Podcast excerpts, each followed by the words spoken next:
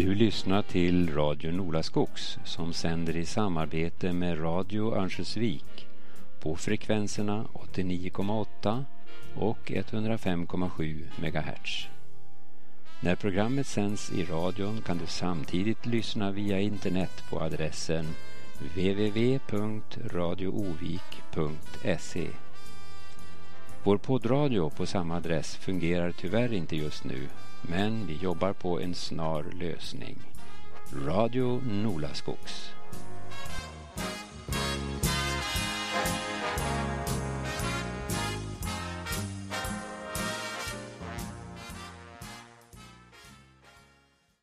Hej, jag heter Katarina Hägg och är ordförande i Örnsköldsvik Framtidens akutsjukhus. Jag har arbetat inom vården i drygt 40 år. Vår förening startade i november 2016 och är politiskt och religiöst obunden. Vi har cirka 500 medlemmar. Vi har ett nära samarbete med föreningen Sollefteå Framtidens akutsjukhus, men är två fristående föreningar. Föreningen arbetar för tre fullvärdiga akutsjukhus i länet och det innefattar akutmottagning, akutkirurgi, akutortopedi och akut kvinnosjukvård. Här ingår även elektiv vård inom kirurgi, ortopedi, kvinnosjukvård, BB-förlossning, barnsjukvård, öron och ögonsjukvård, psykiatri, intensivvård, medicin, röntgen, labb och dialys. Tillsammans med föreningen i Sollefteå har vi tagit fram ett fempunktsprogram där vi kommer att presentera dessa punkter för alla politiska partier och där parti partierna får svara om de tänker följa programmet eller inte. Punkt nummer ett är en ny ledningsorganisation. Från föreningarna kräver vi ett lokalt ledarskap och en lokalt förankrad styrning för alla tre sjukhusen i länet. Skrota länsklinikerna. Vid punkt två föreslår vi tre fullvärdiga akutsjukhus inom regionen. Precis som Socialdemokraterna dyrt och heligt lovade i förra valet och där Sollefteå återstartar och att planerna på att reducera den akuta kirurgin i Evik skrinläggs.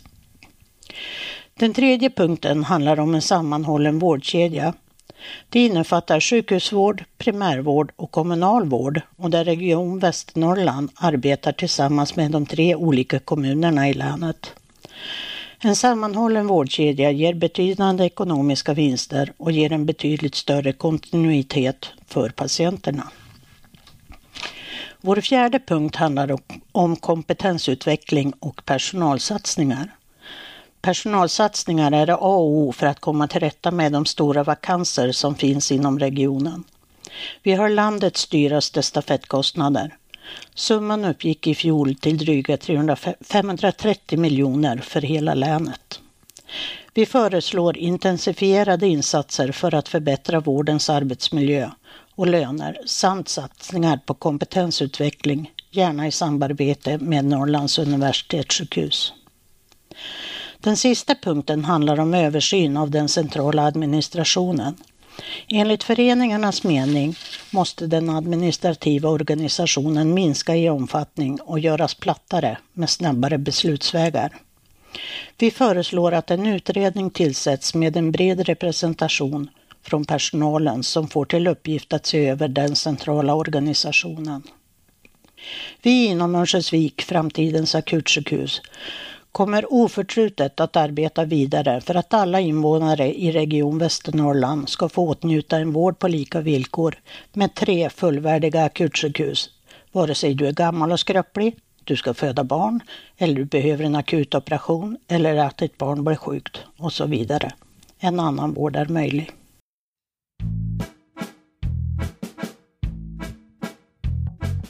Vårdplatskoordinatorn satt en natt vid datorn, kände sitt magsår växa. Jag har inga sängar, det finns inga pengar och jag är ingen häxa. Det är fullt på ettan, det är fullt på tvåan, alla platserna är slut men då så ringde syster, hon lät lite dyster, tre till kommer från akuten. Så vårdplatskoordinatorn bröt ihop i datorn, drömde om sin semester. Att resa hit och dit som en satellit och solen går ner i väster. Då så kom hon på det, vi ska efterlikna astronomiska principer. Alla patienter de ska få flytta runt som små satelliter. En från ettan till tvåan och en från tvåan tvåan till trean och en från trean till ettan och sen så gör vi det igen. För är patienterna i omlopp så utnyttjas hela vården och ingen läggs i korridoren. Det måste vara lösningen. Så vårdplatskoordinatorn stirrade på datorn tänkte det må vara hänt. Men med denna lösning blir vår beläggning mer än 100 procent. För ordet uteliggare på sjukhuset det låter alltid lite illa. Men man kan inte vara uteliggare ifall man inte ligger stilla. Så vårdplatskoordinatorn tog en paus vid datorn, titta en stund på månen som är en liten vit ständig satellit och sedan ringde telefonen. Det var från akuten, rösten var knuten, busschauffören somnade till. Han hade druckit gin, vi måste lägga in 15 patienter till. Fem från ettan till tvåan och fem från tvåan till trean och fem från trean till ettan och sen så gör vi det igen. Transport tar hand om logistiken och vi får platser på kliniken och chefen blir inte besviken. Den ultimata lösningen. Men tidigt nästa dag, utmattad men glad, blev koordinatorn väckt av en telefonsignal. Chefen sa god dag, kom till mitt kontor direkt. Så vårdplatskoordinatorn lämnade från sig datorn och gick över sjukhusparken. Helt normalt men förberedde sig mentalt på att få sparken. Men chefen skakade hand och öppnade champagne och hela styrelsen var lyrisk. Såna här innovationer sparar miljoner, du är helt genialisk. Så vårdplatskoordinatorn återfick sin dator och hon kände åter glöden och byggde breda korridorer, typ som avenyer för patienternas flöden. Hela ettan till tvåan och hela tvåan till trean och hela trean till ettan och sen så gör vi det igen. Rastlet från alla sängar gör att vi sparar pengar. Cashflow är patientflow, den slutgiltiga lösningen. Ja, dagens gäst är Jörgen Rute, godkänd profil här i Örnsköldsvik och eh, docent vid Umeå universitetet och tidigare så var han också eh, kirurg vid Örnsköldsvik, Örebro och Umeå sjukhus. Dessutom så är ju Jörgen också en stor motorcykelentusiast och Rutberget är ett kärt ställe när det gäller skidåkning. Jörgen är vidare engagerad i vissa projekt i Afrika och just nu så arbetar Jörgen med Chad. Jörgen, du har just kommit hem från Afrika i Chad. Vad är det du har gjort där? Jo, vi, vi har identifierat ett behov av en, ett nytt operationshus vid ett litet sjukhus i södra Chad. Vi samarbetar med en kyrka där nere som driver det här sjukhuset. Och eh, under ett par års tid har vi samlat in pengar och eh, bygget kom igång för ett drygt år sedan och nu var vi nyligen nere i Chad och var med om invigningen av det här sjukhuset. Och det var en stor tillställning med flera hundra människor närvarande och en mängd höjdare. Och en stor uppmuntran för befolkningen där nere. Det är ett fattigt land. Åter till dagens ämne Jörgen. Vad gör en kirurg vill jag veta och eh, vilken inriktning av kirurgi har du arbetat med? Ja, kirurgi är ett brett ämne. Det innehåller ju eh, bukkirurgi, kärlkirurgi, endokrin, det vill säga endokinkirurgi, endokrinkirurgi, det vill säga eh, kirurgi på endokrinorgan, eh, eh, hormonproducerande organ. Traumatologi, alltså skador, med mera, med mera. Jag jobbade väldigt brett tidigare, speciellt fram till 99 vid Örnsköldsviks sjukhus. Sysslade med många sidor av kirurgin.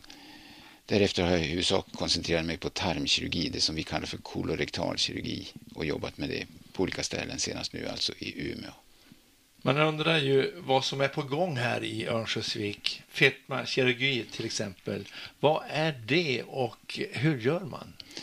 Ja, fetmakirurgin är ju, har ju blivit en, en ganska stor verksamhet även om det just nu har stagnerat på en viss nivå. Man har nog kanske opererat undan eh, pucken kan man säga. Det är den effektivaste behandlingen av svår fetma. Och eh, de operationer som är aktuella det är att man gör om anatomin, eh, eh, magsäcksanatomin på olika vis. Det finns ett par metoder som används och som har god effekt på, på vikten och också god effekt på diabetes åtminstone för några år framåt i sjukdomsförloppet.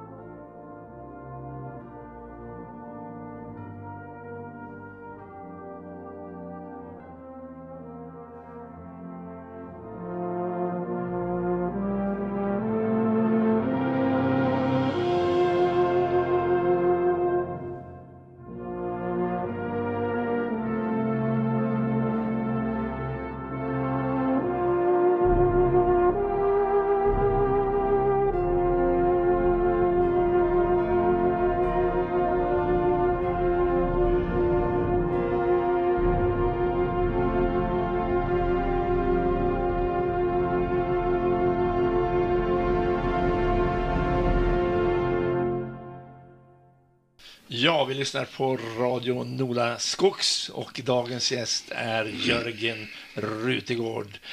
Vi lyssnade också till The Lost Chord. Jörgen, när du hör den här låten, vad innebär det musikalstycket för dig?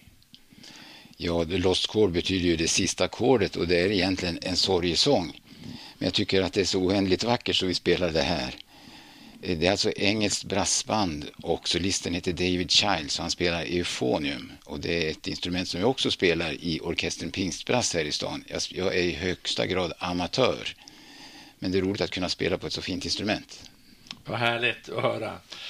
Eh, Jörgen, vi fortsätter med dagens ämne och eh, vi kommer in på det här hur kirurgin ser ut i Örnsköldsvik kontra Sundsvall och Umeå. Hur ser du på det?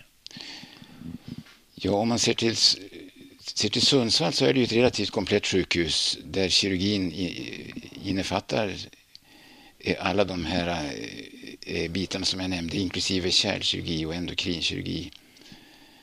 Vad som inte finns det är ju naturligtvis neurokirurgi och thorax, det vill säga skallen, ryggmärg och bröstkorg. Och de specialiteterna finns ju i Umeå.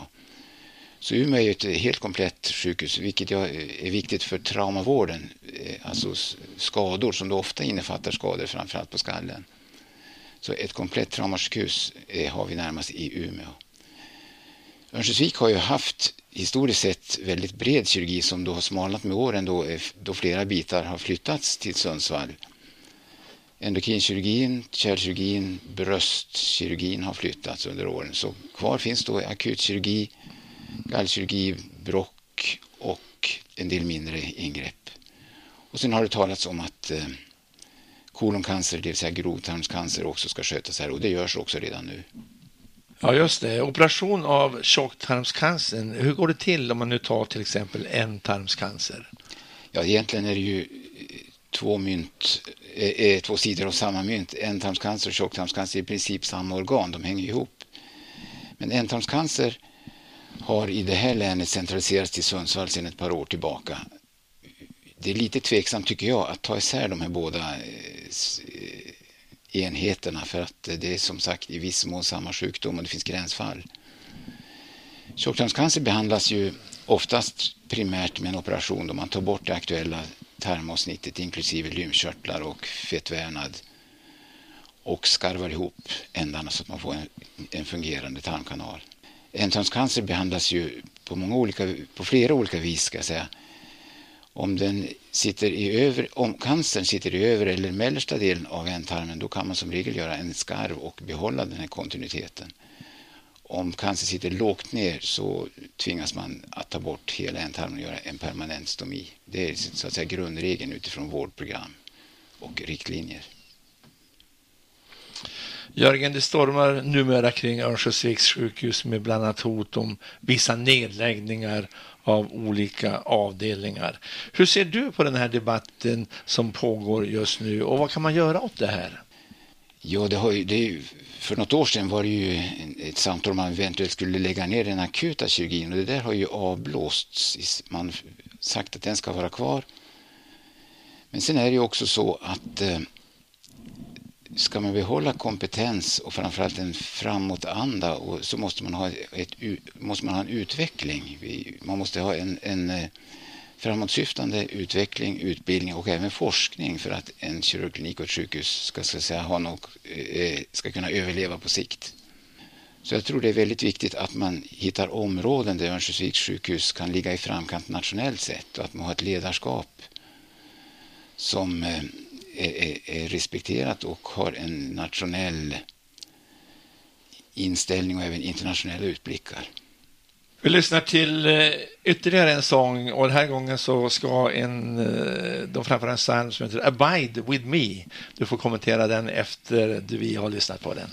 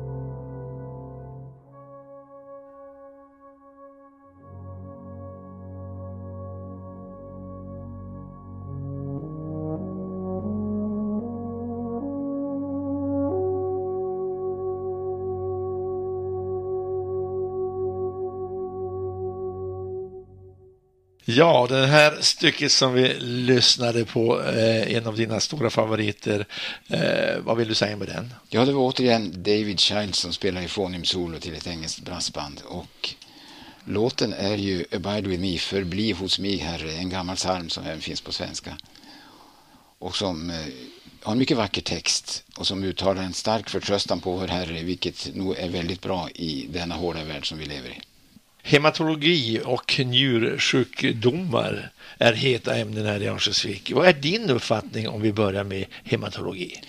Ja, vad gäller båda de här fälten så är, ligger det ju inom internmedicinen och här i Övik har vi haft två väldigt kompetenta överläkare som har skött, skött hematologin respektive, eh, respektive njursjukdomar och dialys. Och båda går ju i pension här och rekryteringen har uppenbarligen varit svår för vi ser inte någon riktig ljusning än på den punkten. Det är ju väldigt viktigt för att man kan behålla de här fälten. Jag tänker särskilt på njursjukdomarna. Eh, man har ju sedan många år en fungerande dialys och det förutsätter ju att man har njurmedicinska specialister som kan sköta det här. Vad innebär det om vi inte får någon som kommer hit och, och tar tag i det hela? Ja, man kan ju leva på stafetter och, och vikariatslösningar ett tag men det är ju ingen bra lösning när det gäller utveckling och framåtsyftande verksamhet utan, utan man riskerar naturligtvis att det hela centraliseras till andra sjukhus med långa resor för de här ofta svårt njursjuka patienterna. En annan sak, hur ser du på problemet med länskliniken och en länsklinikchef? Och vad innebär det egentligen? Ja, länskliniker innebär ju att man, eh, att man lägger samman eh, alla sjukhusens kliniker i en enda organisation. I det fallet då kirurgin eh, ligger samlad Sundsvall, Sollefteå och Örnsköldsvik med en chef och en, en, organisation. Och tanken med det var nog att man skulle ha någon form av gemensamt åtagande, gemensamma vårdköer och allt det där. Den stora nackdelen som har framkommit så väl sista året är att man får ett stort avstånd mellan eh, chef, cheferna och verksamheten på golvet med, med stor risk för, eh, för, att det, eh, för långsamma beslutsprocesser och att det inte går fram budskapen nerifrån och upp. Vad kan man göra åt det? Med den erfarenhet jag har från flera olika sjukhus, större och mindre, så tror jag att det här är en olycklig konstruktion, att den bör upplösas till förmån för lokala klinikchefer, medicinskt ledningsansvariga, kompetenta personer. Och naturligtvis en samverkan mellan sjukhusen, men det kan skötas mellan självständiga kliniker. Och, och för Örnsköldsviks del ligger ju samverkan mot Umeå väldigt nära till hands. Därför att där finns ett, som sagt ett komplett traumasjukhus, det finns det finns kliniker att samråda med och det finns fungerande eh, verksamhet över nätet. Man kan alltså ha gemensamma konferenser. Har man förståelse för en kritik som läggs fram till eh, berörda parter? Ja, det är väldigt svårt för oss att riktigt uppfatta om det finns en förståelse. Man eh, hänvisar ofta till att med ett gammalt och slitet argument att om vi bara kommunicerar våra beslut tydligare så ska allt bli bättre. Men om besluten inte är de rätta utan har stora nackdelar, då hjälper det inte att kommunicera dem utan då bör man ändra på det hela istället.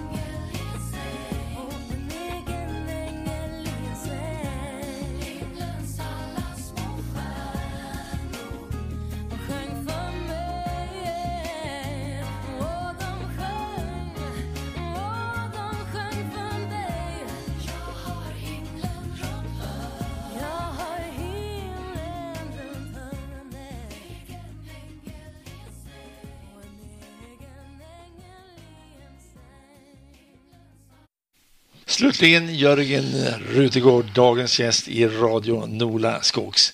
Är det något mer du vill tillägga i just den här heta debatten?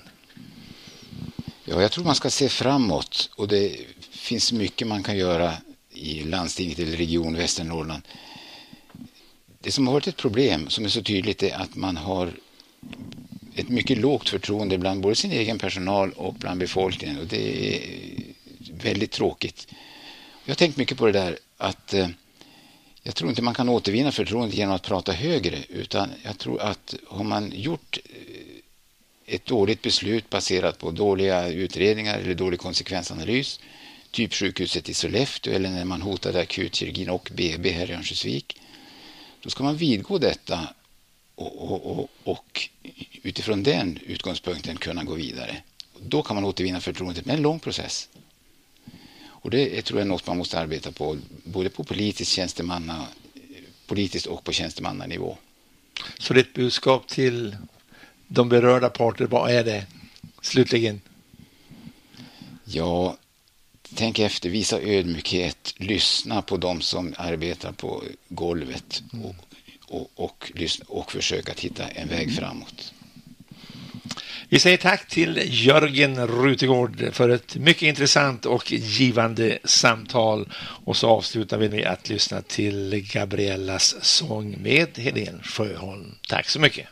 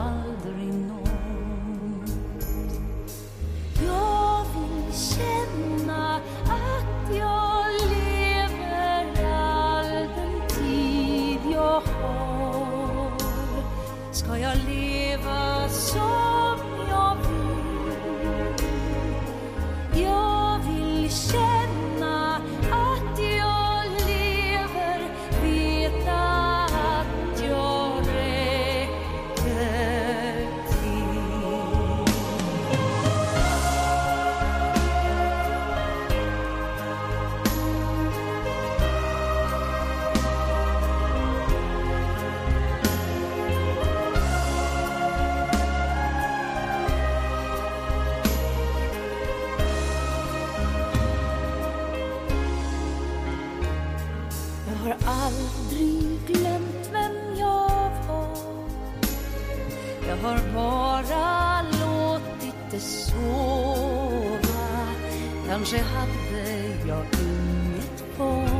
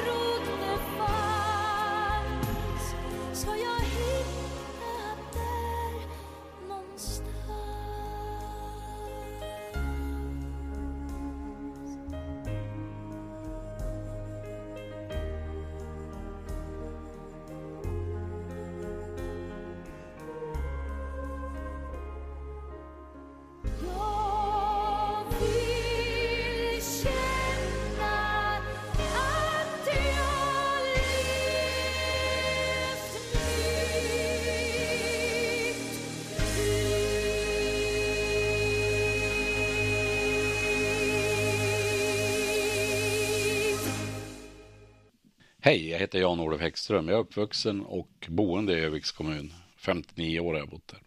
Heltidspolitiker i Region Västernorrland sedan 1 maj 2016. Jag får börja med att tacka för möjligheten att få vara med och kommentera eh, och be om ursäkt för min hesa stämma. Jag är lite förkyld. Eh, Jörgen Rutegård som jag haft förmånen att få träffa ett antal gånger som jag har stor respekt för. Duktig och det visar sig att vi har mycket gemensamt säger jag också. MC-entusiast, eh, längdskidor, Biståndsarbete i Afrika har jag inte hållit på med, men jag skulle önska att jag fick göra det någon gång. Och kyrkan naturligtvis. Jag håller med om väldigt mycket av det han säger. Om jag förstod honom rätt så fram till 99 så jobbade han brett och eh, efter 99 han jobbat med, med framförallt tarmkirurgi. Det har hänt mycket de här 20 åren och det vet ju både Jörgen och jag. Eh, hade jag sagt 99 att pacemaker är en standardoperation som man kan göra lite var som helst så hade ju ingen trott mig. Idag är det så. Eh, han nämnde kirurgin i Örnsköldsvik kontra Sundsvall och Umeå. Och Sundsvall är nästan komplett eh, och Umeå är komplett. Eh, och så där ser det ut. Då. Men det sker förändringar även där. Om vi tar trombektomi. Alltså, vi kan ta, vi tar det här eh, lite detaljer. Stroke. 85 procent av de som får stroke får, är ju en propp. 15 procent är en blödning. Och det är klart väsentligt att veta om det är en blödning eller en propp innan man sätter in åtgärder. Idag är det så att om proppen är mer än 7 mm så klarar inte, det, det går inte att lösa upp han helt enkelt. Utan det får allvarliga konsekvenser. Och det kan väl få om proppen är mindre än 7 mm också. Och då har man en metod uppe i Umeå eh, där man går in och rycker loss proppen ur skallen. Och eh, det funkar väldigt bra. Nu håller man på att titta på, det, det tar ju ganska lång tid för Ångerbor att ta sig till Umeå. För att ta ett exempel. Går det här att göra i Sundsvall? Ja, kanske. Just i Övik så har vi nära till Umeå och här har vi ju goda möjligheter att hinna fram i tid. Han nämnde samverkan med Umeå och det är det, det vi utvecklar nu, inte minst inom kirurgin. Han nämnde hot om vissa nedläggningar. Det fanns en utredning om vilka konsekvenser det skulle få om man exempelvis skulle avveckla akutkirurgin i Övik. Och där sa ju, beslutades ju att det ska inte läggas till en akutkirurgi i Övik utan den ska utvecklas och inte avvecklas. Jag håller med fullständigt att vi ska ha framåtanda. Det är viktigt med ett tydligt ledarskap. Han nämnde länskliniker. nu är ju länsklinikorganisation eh, delvis utredd. Eh, den presenterades i förra veckan en utredning som nu går vidare där vi tittar med med förstoringsglas på vad personalen tycker också. I den här utredningen är det 80 chefer som har fått uttalas, men vi, vi ska fördjupa den den utredningen. Det vi torde vara överens om oavsett organisation form, det är att, hoppas i alla fall, att vi ska ha en jämlik sjukvård och det har vi inte haft i Västernorrland. Vi ska ha en sjukvårdskö. Det ska naturligtvis inte bero på var du bor. Eh, prioriteringen om när du ska bli opererad. Jämtland, Västerbotten, Norrbotten eh, har ju också länskliniker. Region Skåne eh, var före oss när det gällde att utvärdera länsklinikerna. Där har man, har man sagt att man vill ha ett, eh, ett tydligt eh, lokalt ledarskap. Eh, jag tror också att länsklinikerna måste utvecklas och vi har enhetschefer och andra som möjligtvis måste ges ett tydligare mandat. Men det får vi se. Utredningen ska ju färdigställas innan man kommer med några förslag om vad som ska göras. Rent allmänt det som händer nu inom sjukvården, oavsett var man bor i Sverige, det är att det, det sker en strömning, om jag ska sammanfatta det kort, så att det som sker ofta, det ska vara nära patienterna. Och det som sker sällan, det kan vara lite längre bort. Och det finns en hel del att läsa om det här. Måns Rosén gjorde en utredning om högspecialiserad vård. Göran Stiernstedt har gjort en utredning om effektivare sjukvård. Mats Brännström har eh, skrivit en utredning om hur vi ska få primärvården att ta en större del av eh, mandatet när det gäller sjukvård. Anna Nergård, eh, statlig utredare. Alla visar på ungefär samma sak. Det du gör ofta blir du skicklig på. Och är det då någon sak som sker sällan, då är det svårt att ha det överallt. Det blir, det blir någon form av centralisering. Så ser det ut överallt. Å andra sidan, det som sker, det som sker sällan, det får nog centraliseras. Men det som sker ofta, det ska decentraliseras. Och här hade vi en träff i förrgår på Hola. Hälso och sjukvårdsnämnden i Region Västernorrland, Folkhälsa, primärvård och tandvårdsnämnd och vårdvalsutskottet där vi har jobbat med en målbild hur vi ska kunna gå från tre sjukhus till 33 vårdcentraler, eller numera är det 34 vårdcentraler till och med vi har i Västernorrland. Vi ska fortsätta jobba med det här 3-4 maj. Vi har en målbild fastslagen av regionfullmäktige. Men vi måste naturligtvis ta fram en handlingsplan hur vi ska gå tillväga. Och det här är ingenting som går fort. Anna Nergård och Mats Brännström, de gissar på att det kommer att ta ungefär tio år. Det har varit många, flera organisationsförändringar på relativt kort tid. Det här är den tredje organisationsformen vi har på relativt kort tid. Utredningen för att gå tillbaka till länskliniker, den pekar nog på att mm, har man problem så kanske inte det första man ska göra är att ändra organisationen. Däremot måste den naturligtvis utvecklas. Och jag har ju lovat att jag ska inte politisera de här kommentarerna. Jag är oerhört tacksam att jag får kommentera. Men det är klart, de här grupperingarna som finns, som jag har stor respekt för och som lägger ner ett otroligt engagemang och tid. Eh, jag ser att de grupperingarna, de kommer att ställa, delar av dem i alla fall, kommer att ställa upp i politiska val nu i höst. Eh, och det får vi hantera. Och det är naturligtvis oppositionens självklara rätt att protestera och manifestera. Det är oerhört viktigt i en demokrati. Men det är också viktigt att orka fatta svåra men nödvändiga beslut. Förra gången vi hade bekymmer så sa vi upp personal 2008-2009. Vilket gjorde att vi fick överskott i finanserna 2010. Men det visade sig att det var helt fel väg att gå. Eh, 2011 var alla tillbaka för vi hade inte strukturförändrat. Och har du eh, ekonomiska bekymmer eller problem med, med rationaliteten eh, så får du nog välja vad du ska göra. Och jag tror ju att rätt väg att gå det är ändå att strukturförändra. Jag tror inte att vägen att gå är att säga upp personal. Tittar vi explicit på sjukhuset i Övik eh, sedan juni 2016 då, så har de bara fått mer uppdrag.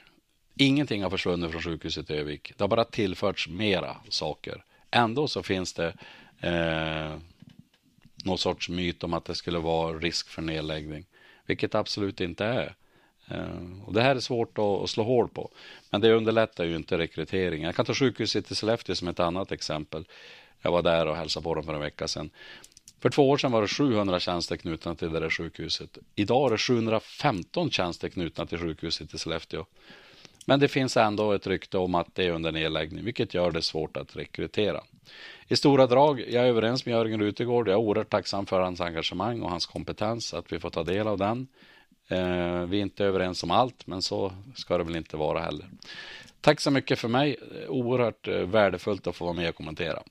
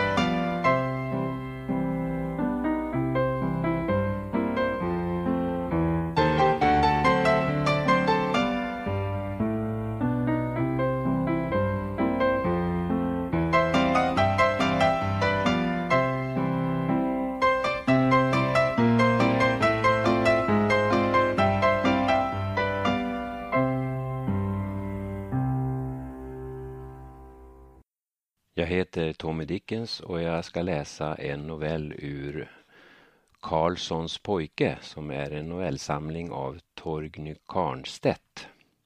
Den här novellen heter Vi är alltid deras barn och den är lite kul för författaren träffar här vår statsminister. Jag hade varit på Adolf Fredriks kyrkogård, lagt en ros vid Palmes grav. Om en månad var det 26 år sedan de två skotten föll. Några vilsna snöflingor letade sig mot marken. Det skymde och jag skulle just gå därifrån när en man med uppfälld rockkrage kom med raska steg från Sveavägen. I handen höll han en portfölj. Då och då såg han sig över axeln. Han kröp ihop och försökte göra sig så liten som möjligt. I fonden skymtade folk med kameror och mikrofoner. När mannen var ett tiotal meter ifrån mig kände jag igen honom. Stefan Löfven, IF Metalls ordförande. Vi hade träffats i maj i fjol. Han var i Lidköping för att delta i en konferens om industripolitik. Och jag var inbjuden av ABF för att inspirera män att läsa för sina barn.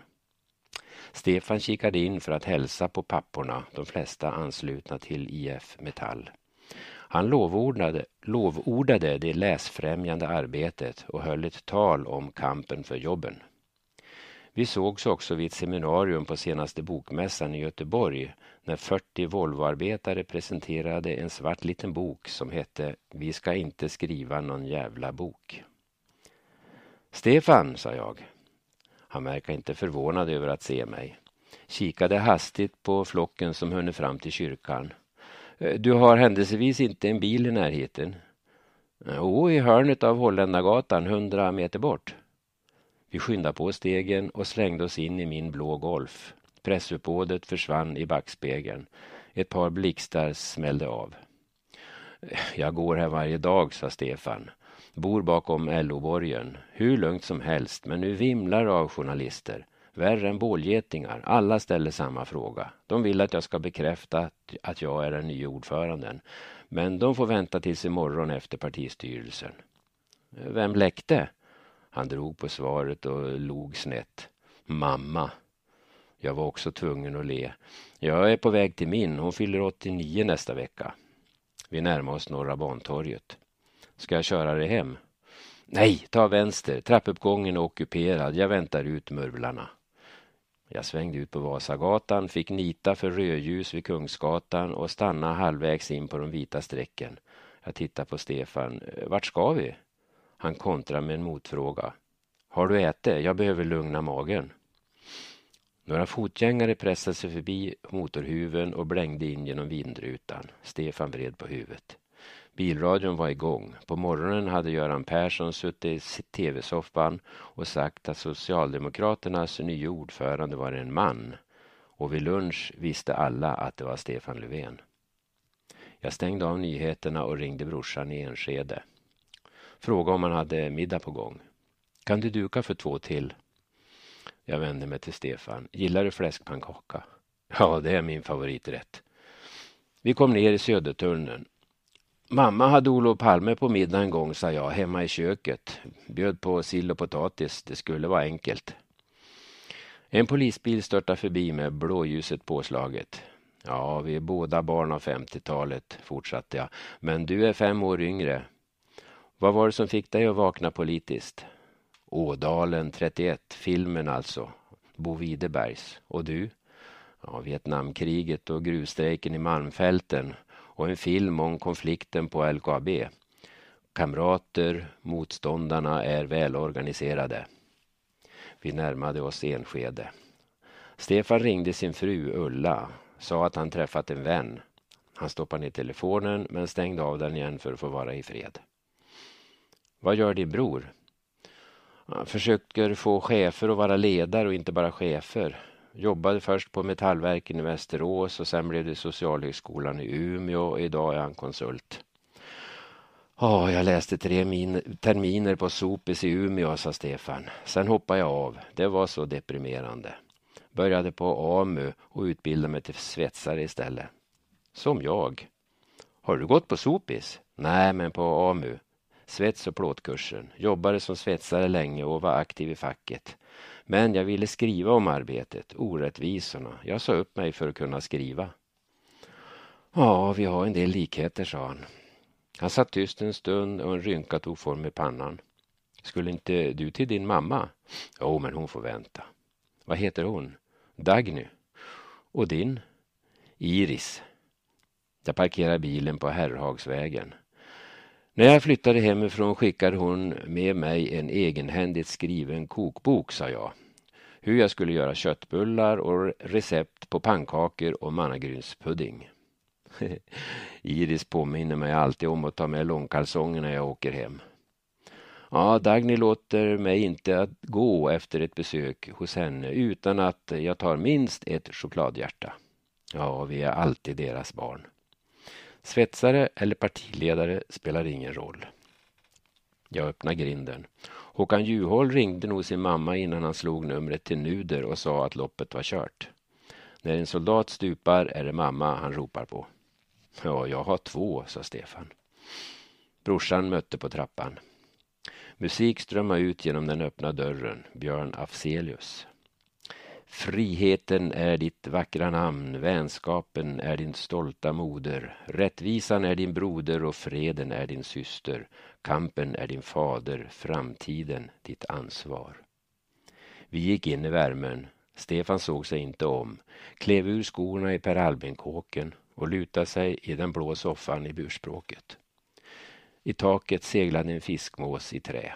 Ett par rådjur gick förbi bakom friggeboden. En talgoxe tutade i äppelträdets topp.